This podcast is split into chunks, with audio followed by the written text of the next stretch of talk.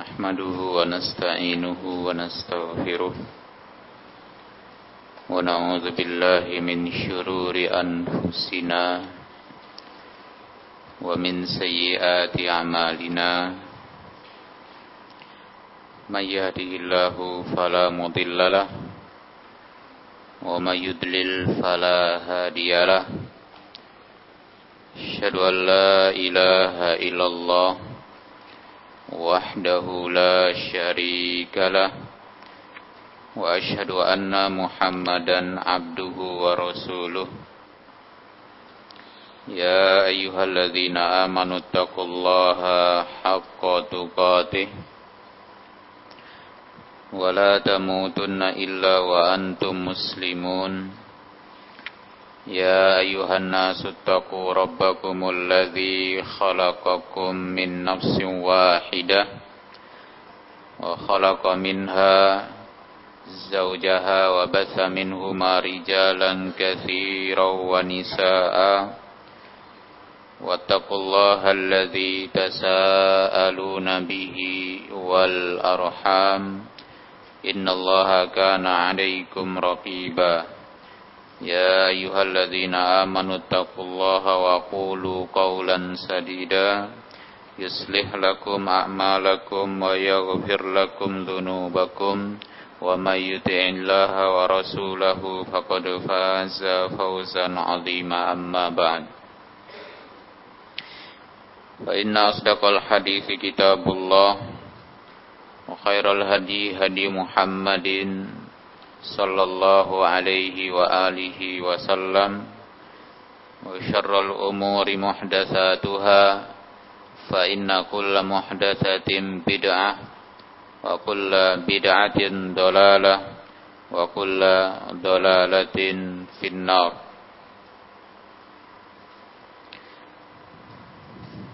إخواني في الدين رحمكم الله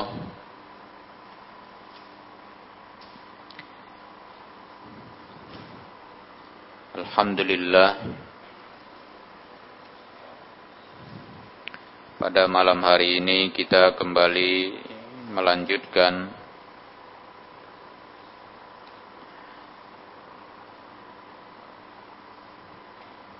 Mengkaji dari kitab Syarah Nawakidil Islam Syarah pembatal-pembatal keislaman yang ditulis oleh Syekh Abu Abdullah Muhammad bin Said Ruslan hafizahullah.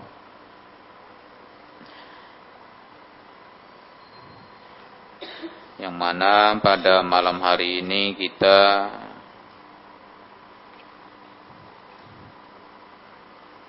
akan lanjutkan pembatal yang keenam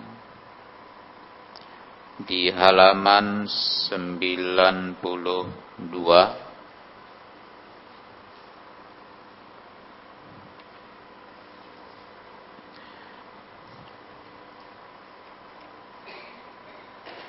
yaitu tentang e, pembatal keenam tentang istihza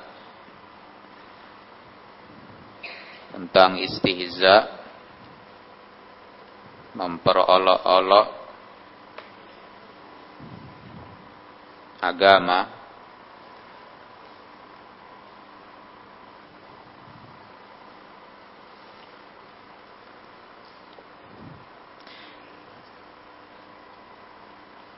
Beliau berkata di halaman 92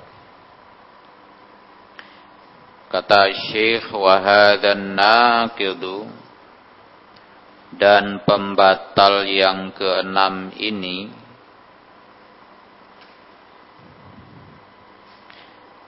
yaitu wahwal istihza'u yaitu istihza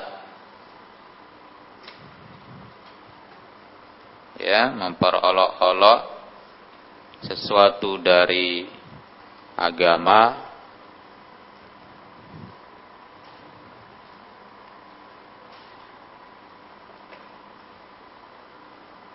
yajibu tamamut tawaqqi minhu. Wajib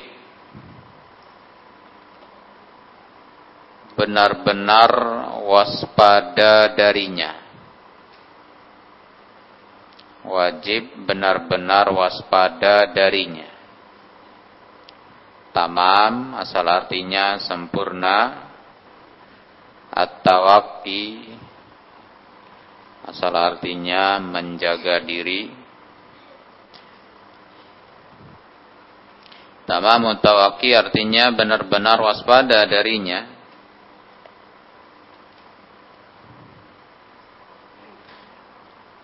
Sebagaimana yang dikatakan oleh Syekh Muhammad bin Saleh Al-Utsaimin rahimahullah Qala Syekh Ibn Utsaimin rahimahullah kata Syekh wa hadhil mas'alah khatiratun jiddan. Kata beliau permasalahan ini yakni pembatal keenam ini memperolok-olok agama mengejek-ngejek mencemooh ya sesuatu dari agama ini adalah perkara yang sangat berbahaya. Khatiratun jiddan.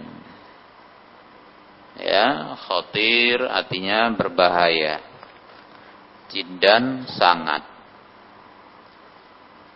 Ya, berbahaya sekali. Khatiratun jiddan. Lalu kata beliau warubba kalimatin auqa'at bisahibiha al-bala'a wa huwa la yash'ur. Dan kata Syekh Nusaimin terkadang ada sebuah kalimat yang diucapkan oleh seseorang yang menyebabkan orangnya jatuh ke dalam bencana bala menyebabkan dia jatuh dalam bencana ya dalam perkara besar bahaya besar. Dalam keadaan wahwala yash'ur dalam keadaan dia tidak menyadarinya dalam keadaan dia tidak menyadarinya. Ya. Kadang dia ngomong dengan sebuah kalimat yang sangat berbahaya, tapi dia tidak sadar bahwa la yash'ur. Nah,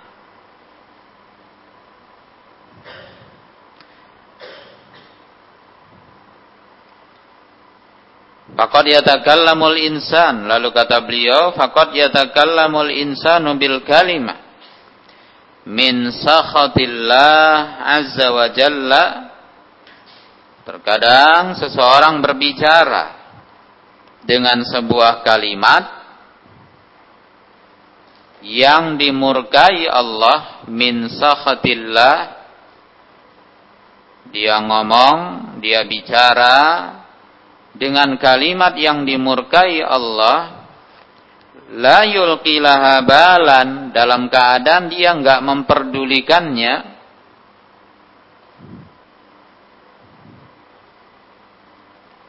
ya asal ngomong saja dan tidak memperdulikan ucapannya biasanya orang jahil seperti itu ya. Itu bedanya orang yang jahil dengan orang yang berilmu.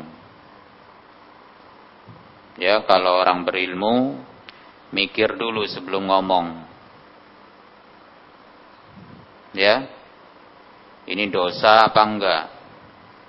Kalau baik dia ucapkan, kalau tak baik dia tahan diri. Dia tahan, dia jaga lisannya. Tapi kalau orang bodoh, orang jahil, ngomong dulu, habis itu baru mikir. Betul nggak tadi yang dia ucapkan? Mending mikir setelah itu. Kadang nggak mikir lagi, asal ngomong aja, keluar aja, nyeplos aja. Ya, ini jahil. Tayyib. Nah terkadang seseorang kata beliau berbicara dengan sebuah kalimat yang dimurkai Allah dalam keadaan dia tidak memperdulikannya yahwi biha finnar menyebabkan dia terjerumus masuk ke dalam api neraka.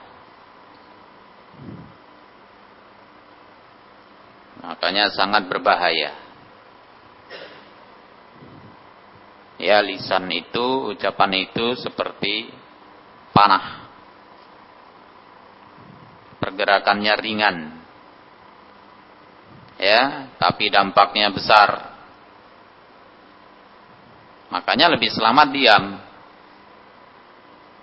Ya, lebih selamat diam. Makanya Nabi mengatakan, "Maka na yu'minu billahi wal yaumil akhir, falyakul khairan au liyasmut." Barang siapa yang beriman pada Allah dan hari akhir, hendaknya dia bicara yang baik atau diam. Itu lebih selamat. Ya. Nah, kalau bicara yang baik, itu ada beban di situ. Ya, ini ada dasar. Harus didasari dengan il, ilmu. Tapi kalau nggak tahu, tak punya ilmu, lebih selamat diam. Ya. Nah, kalau asal ngomong dosa. Baik. Maka ini perkara yang sangat berbahaya ya. Bila mana tidak dijaga lisan.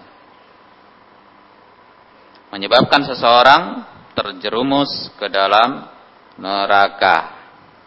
Gara-gara kalimat tersebut. Ini persis ya seperti ucapan beliau ini Syekh Ibnu Utsaimin persis seperti sabda Nabi sallallahu alaihi wa alihi wasallam. Nabi pernah bersabda kata Nabi innal abda la yatakallam bil kalimah min ridwanillah. Nabi pernah mengatakan kata Nabi sesungguhnya seorang hamba sungguh dia berbicara dengan ucapan yang diridhoi oleh Allah Layul kilahabalan dan dia tidak begitu memperdulikannya. Ya. Tapi malah yarfa'uhu yarfa'uhu Allah biha darajat. Tapi malah Allah mengangkat derajatnya. Dia ngomong dengan sebuah kalimat dia pikir itu ucapannya tadi hanya biasa saja. Dia tahu itu kebaikan, tapi dia pikir itu biasa saja. Padahal ucapannya itu sangat baik. Allah angkat derajatnya. Ya. Dan juga sebaliknya kata Nabi wa innal abda la yatakallam bil kalimah min sakhatillah la yulkilaha balan yahwi biha fi jahannam.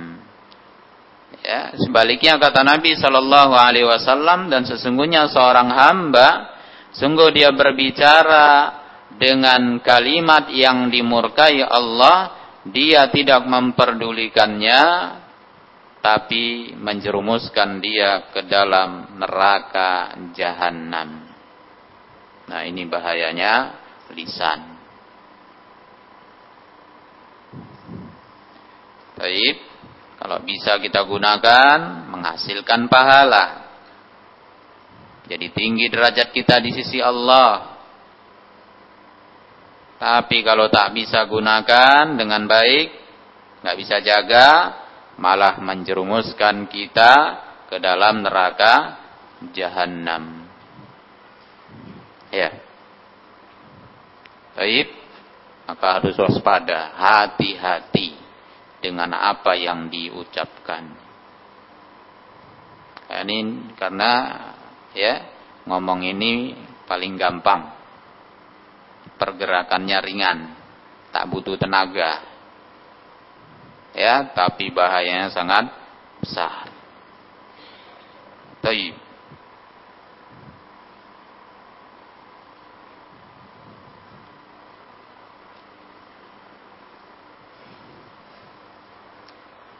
Nah, dalam hadis lain Nabi sebutkan juga dengan makna yang serupa kata Nabi innal abda la yatakallam bil kalimah ma yatabayyanu fiha yazillu biha fi nari jahannam ab'ad mimma bainal masyriqi wal maghrib.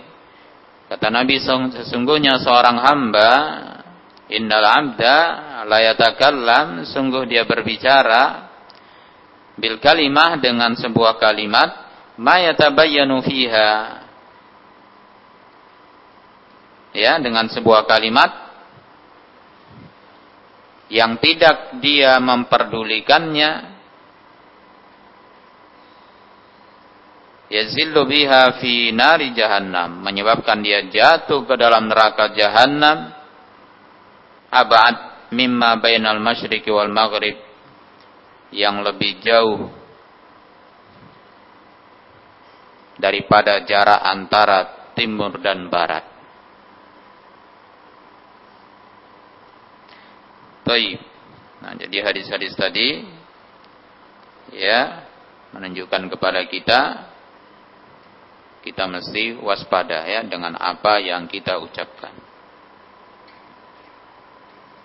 Nah, makanya eh, Imam Nawawi pernah menjelaskan ya kalau mau bicara dipikir dulu baik apa buruk. Kalau baik ucapkan. Kalau kita ngomong itu kebaikan, ucapkan. Ya, bermanfaat, ucapkan. Jika kita, jika ada sebuah kalimat yang mau kita ucapkan, ya, tidak ada nilai kebaikan, tidak juga keburukan, hal-hal yang boleh saja, itu lebih baik kata beliau diam. Kenapa? Diam lebih selamat. Karena kadang-kadang dari ucapan yang sifatnya mubah bisa menjerumuskan kepada ya kejelekan. Ngomong nggak ada manfaatnya. Baik. Ngomong dengan sesuatu yang tidak bermanfaat dan juga tidak memang tidak dilarang juga. Ya lebih baik diam, nggak keluar energi. Ya. Tak ada dampak-dampak lainnya nanti, lebih aman begitu ya. Nah, makanya Nabi Nabi mengatakan ya liasmut hendaknya dia diam. Baik.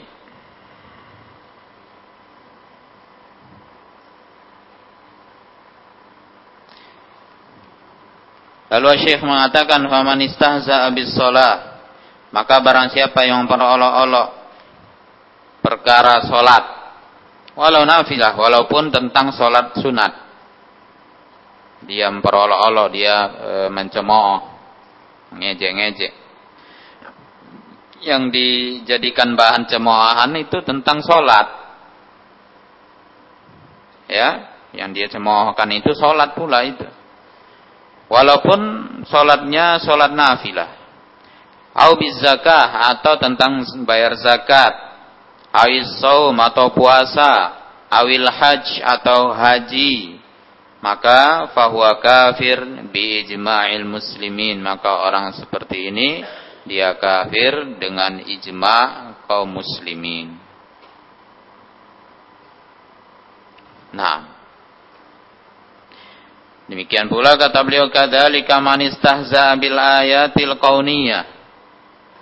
Demikian pula orang yang memperolok-olok ayat kauniyah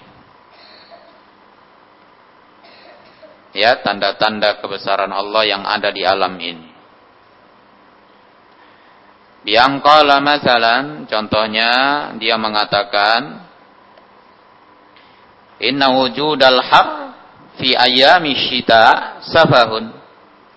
Dia katakan sesungguhnya adanya panas di musim-musim dingin, musim-musim hujan itu adalah kebodohan atau dia bilang qala inna wujudal bardi inna wujudal bardi fi ayyamis saifi safahun.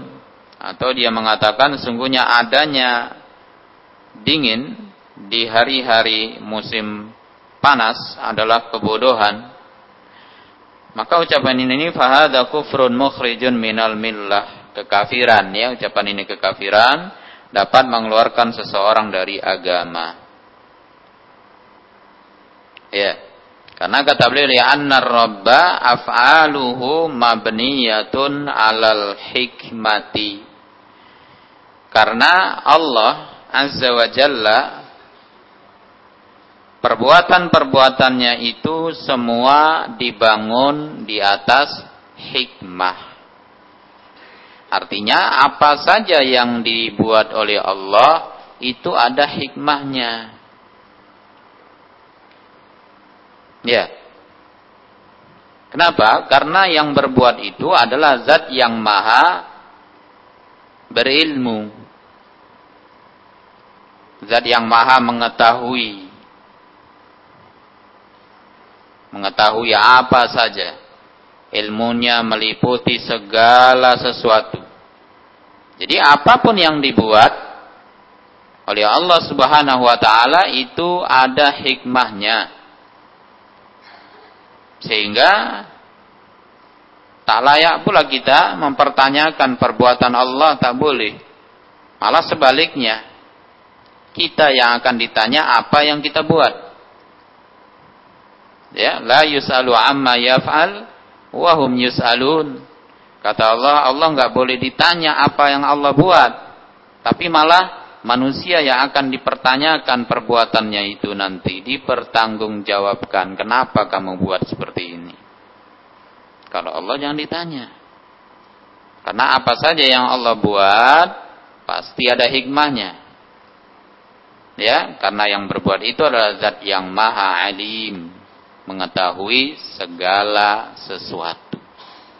Yang memiliki segala kesempurnaan. Tak mungkin Allah berbuat yang bodoh.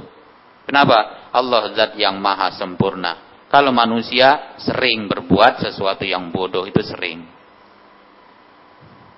Iya. Kalau perbuatan manusia, iya, harus dipertanyakan. Ya, dipertanyakan kenapa berbuat seperti itu. Kalau perbuatan Allah tidak. Nah, karena apa saja yang dibuat Allah pasti ada hikmahnya. Ya, apa saja yang ditentukan oleh Allah dalam agama ini untuk hamba-hambanya pasti ada mas maslahatnya. Nah, karena Allah ya tidak pernah menzolimi ham, hamba-hambanya. Tapi Allah itu paling sayang kepada kita. Ya. Nah, sehingga nggak mungkin Allah mendolimi ham, hamba-hambanya. Baik. Sehingga kata beliau perbuatan-perbuatan Allah itu dibangun dibangun di atas hikmah. Waqad la nastati'u bulughaha. Bal la nastati'u bulughaha. Kadang kata beliau kita tidak bisa mencapainya. Bahkan memang kita tak bisa mencapainya. Iya. Gak bisa. Kenapa? Akal kita ini yang mau kita pakai mikirkan semua yang Allah buat, akal kita ini terbatas. Ya, kapasitasnya terbatas, kemampuannya terbatas. Itu pun yang buat Allah. Ya. Nah, sehingga nggak mampu, nggak bisa semua kita pikirkan. nggak bisa kita men mencapainya. Ya. Baik. Semua mau kita pikirkan, nah, nanti malah meru merusak. Ya, sesuatu kalau sudah melebihi kapasitas ruh, rusak dia. Sudah melebihi bebannya ruh, rusak jadinya. Akal pun begitu. Kalau dibebani dengan sesuatu yang tidak sesuai dengan kemampuannya, dipaksa-paksa terus, lari dia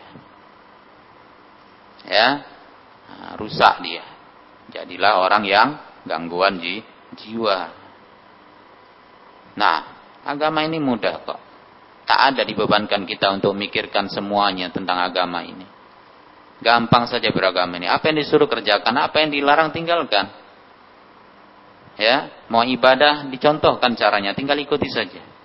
Gak perlu diolah-olah agama ini. Ya, gampang, simple sebenarnya beragama ini. Nah, begitu ya. Nah, tak ada Allah bebankan kita untuk mikir-mikir ini dan itu. Tapi bahkan dilarang. Ya, dengan akal kita yang Allah berikan, memikirkan tentang sesuatu yang enggak Allah jelaskan, nah itu nanti malah menjerumuskan kita kepada kekafiran. Nah, akhirnya banyak hal yang kita tidak beriman, apalagi bicara tentang akhirat, tentang perkara gaib. Kalau pakai akal, akhirnya banyak yang enggak kita imani jadinya. Ya, karena banyak yang enggak masuk akal kalau udah bicara tentang itu semua. Nah. Taib. Maka kata beliau eh, Lalu kata beliau wa idza'u Rasulillah sallallahu alaihi wasallam al ilmi bihi wastihdarihi kufrun naqilun anil millah dan mengganggu menyakiti Rasulullah sallallahu alaihi wasallam bersama mengetahui dengannya. Wastihdarihi dan memaksudkan dengannya. Istihdar menghadirkan hati yakni memang sengaja dengan hati. Ini adalah perbuatan kekafiran kufrun. Nakilun din yang mengeluarkan dari agama Kata Syekhul Islam, kata beliau, kala Syekhul Islam, berkata Syekhul Islam Ibn Taimiyah rahimahullah dalam kitab As-Sarilul Maslul, kitab As-Sarimul Maslul, ala syatimir Rasul.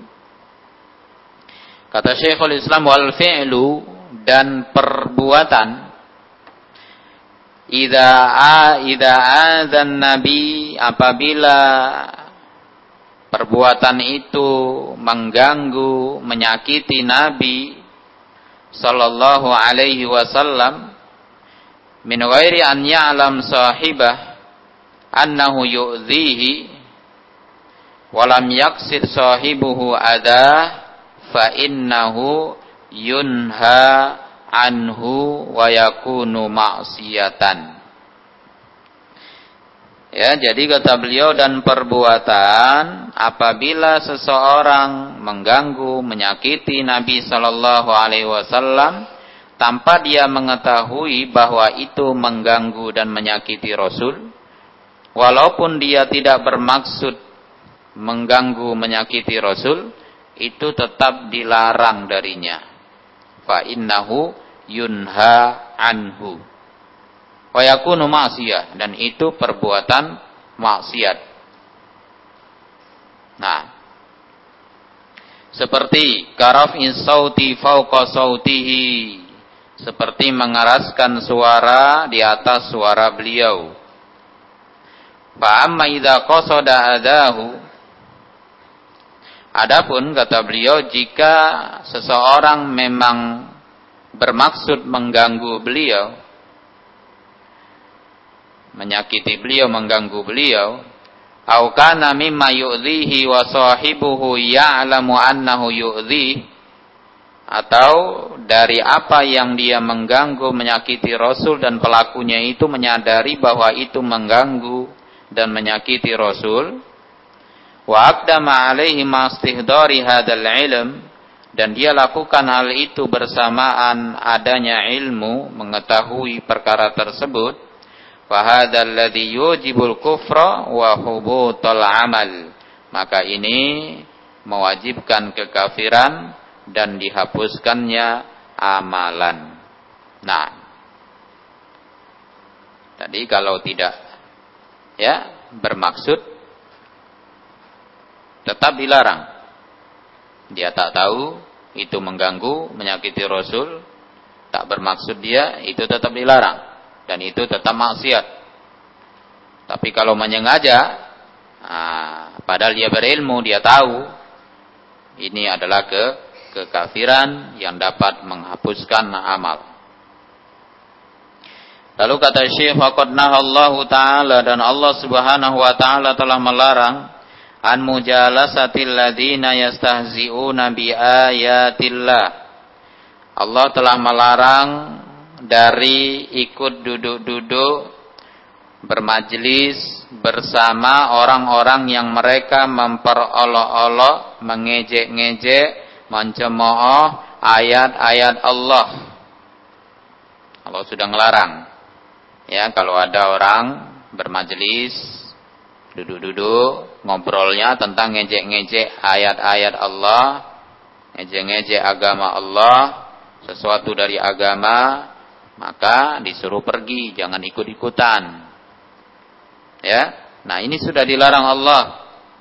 Wa qada bi annahum misluhum dan Allah menghukumi kalau ya Allah menghukumi bahwa dia sama seperti mereka idza jalasuhum apabila dia ikut-ikutan duduk di situ. Ya, Allah larang jangan. Kalau ada orang begitu jangan duduk di situ.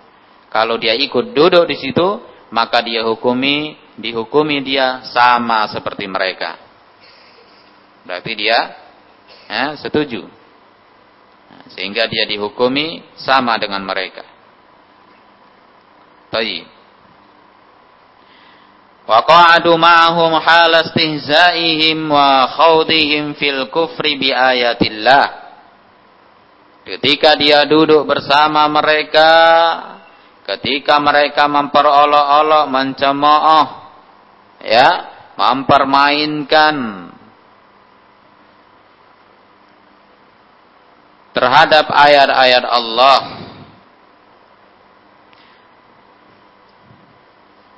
Ini sama dihukumi dia dengan kekafiran seperti mereka. Dalilnya apa? Surah Nisa di ayat 140. Allah mengatakan faqala ta'ala wa qad nazzala 'alaikum fil kitab dan sungguh Allah telah menurunkan atas kalian di dalam Al-Qur'an an idza sami'tum bi ayatillah bahwasanya apabila kalian mendengar ayat-ayat Allah yukfaru biha diingkari dengannya wa yustahza'u biha dan diperolok-olok dengannya. Fala taq'udu ma'hum kata Allah jangan kalian duduk sama mereka hatta yakhudu fi hadisin ghairi hingga mereka berbicara tentang pembicaraan lainnya. Ya. Harus menyingkir Jangan ikut-ikutan. Nah.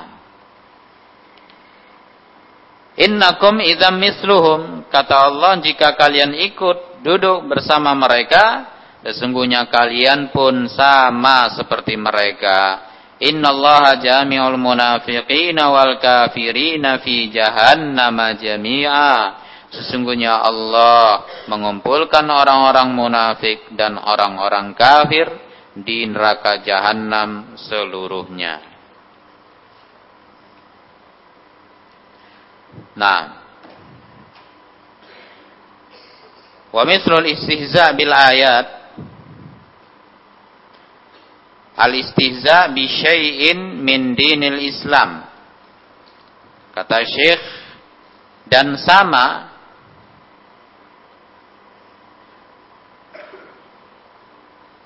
memperolok-olok ayat-ayat Allah yaitu memperolok-olok sesuatu dari agama Islam. Ya.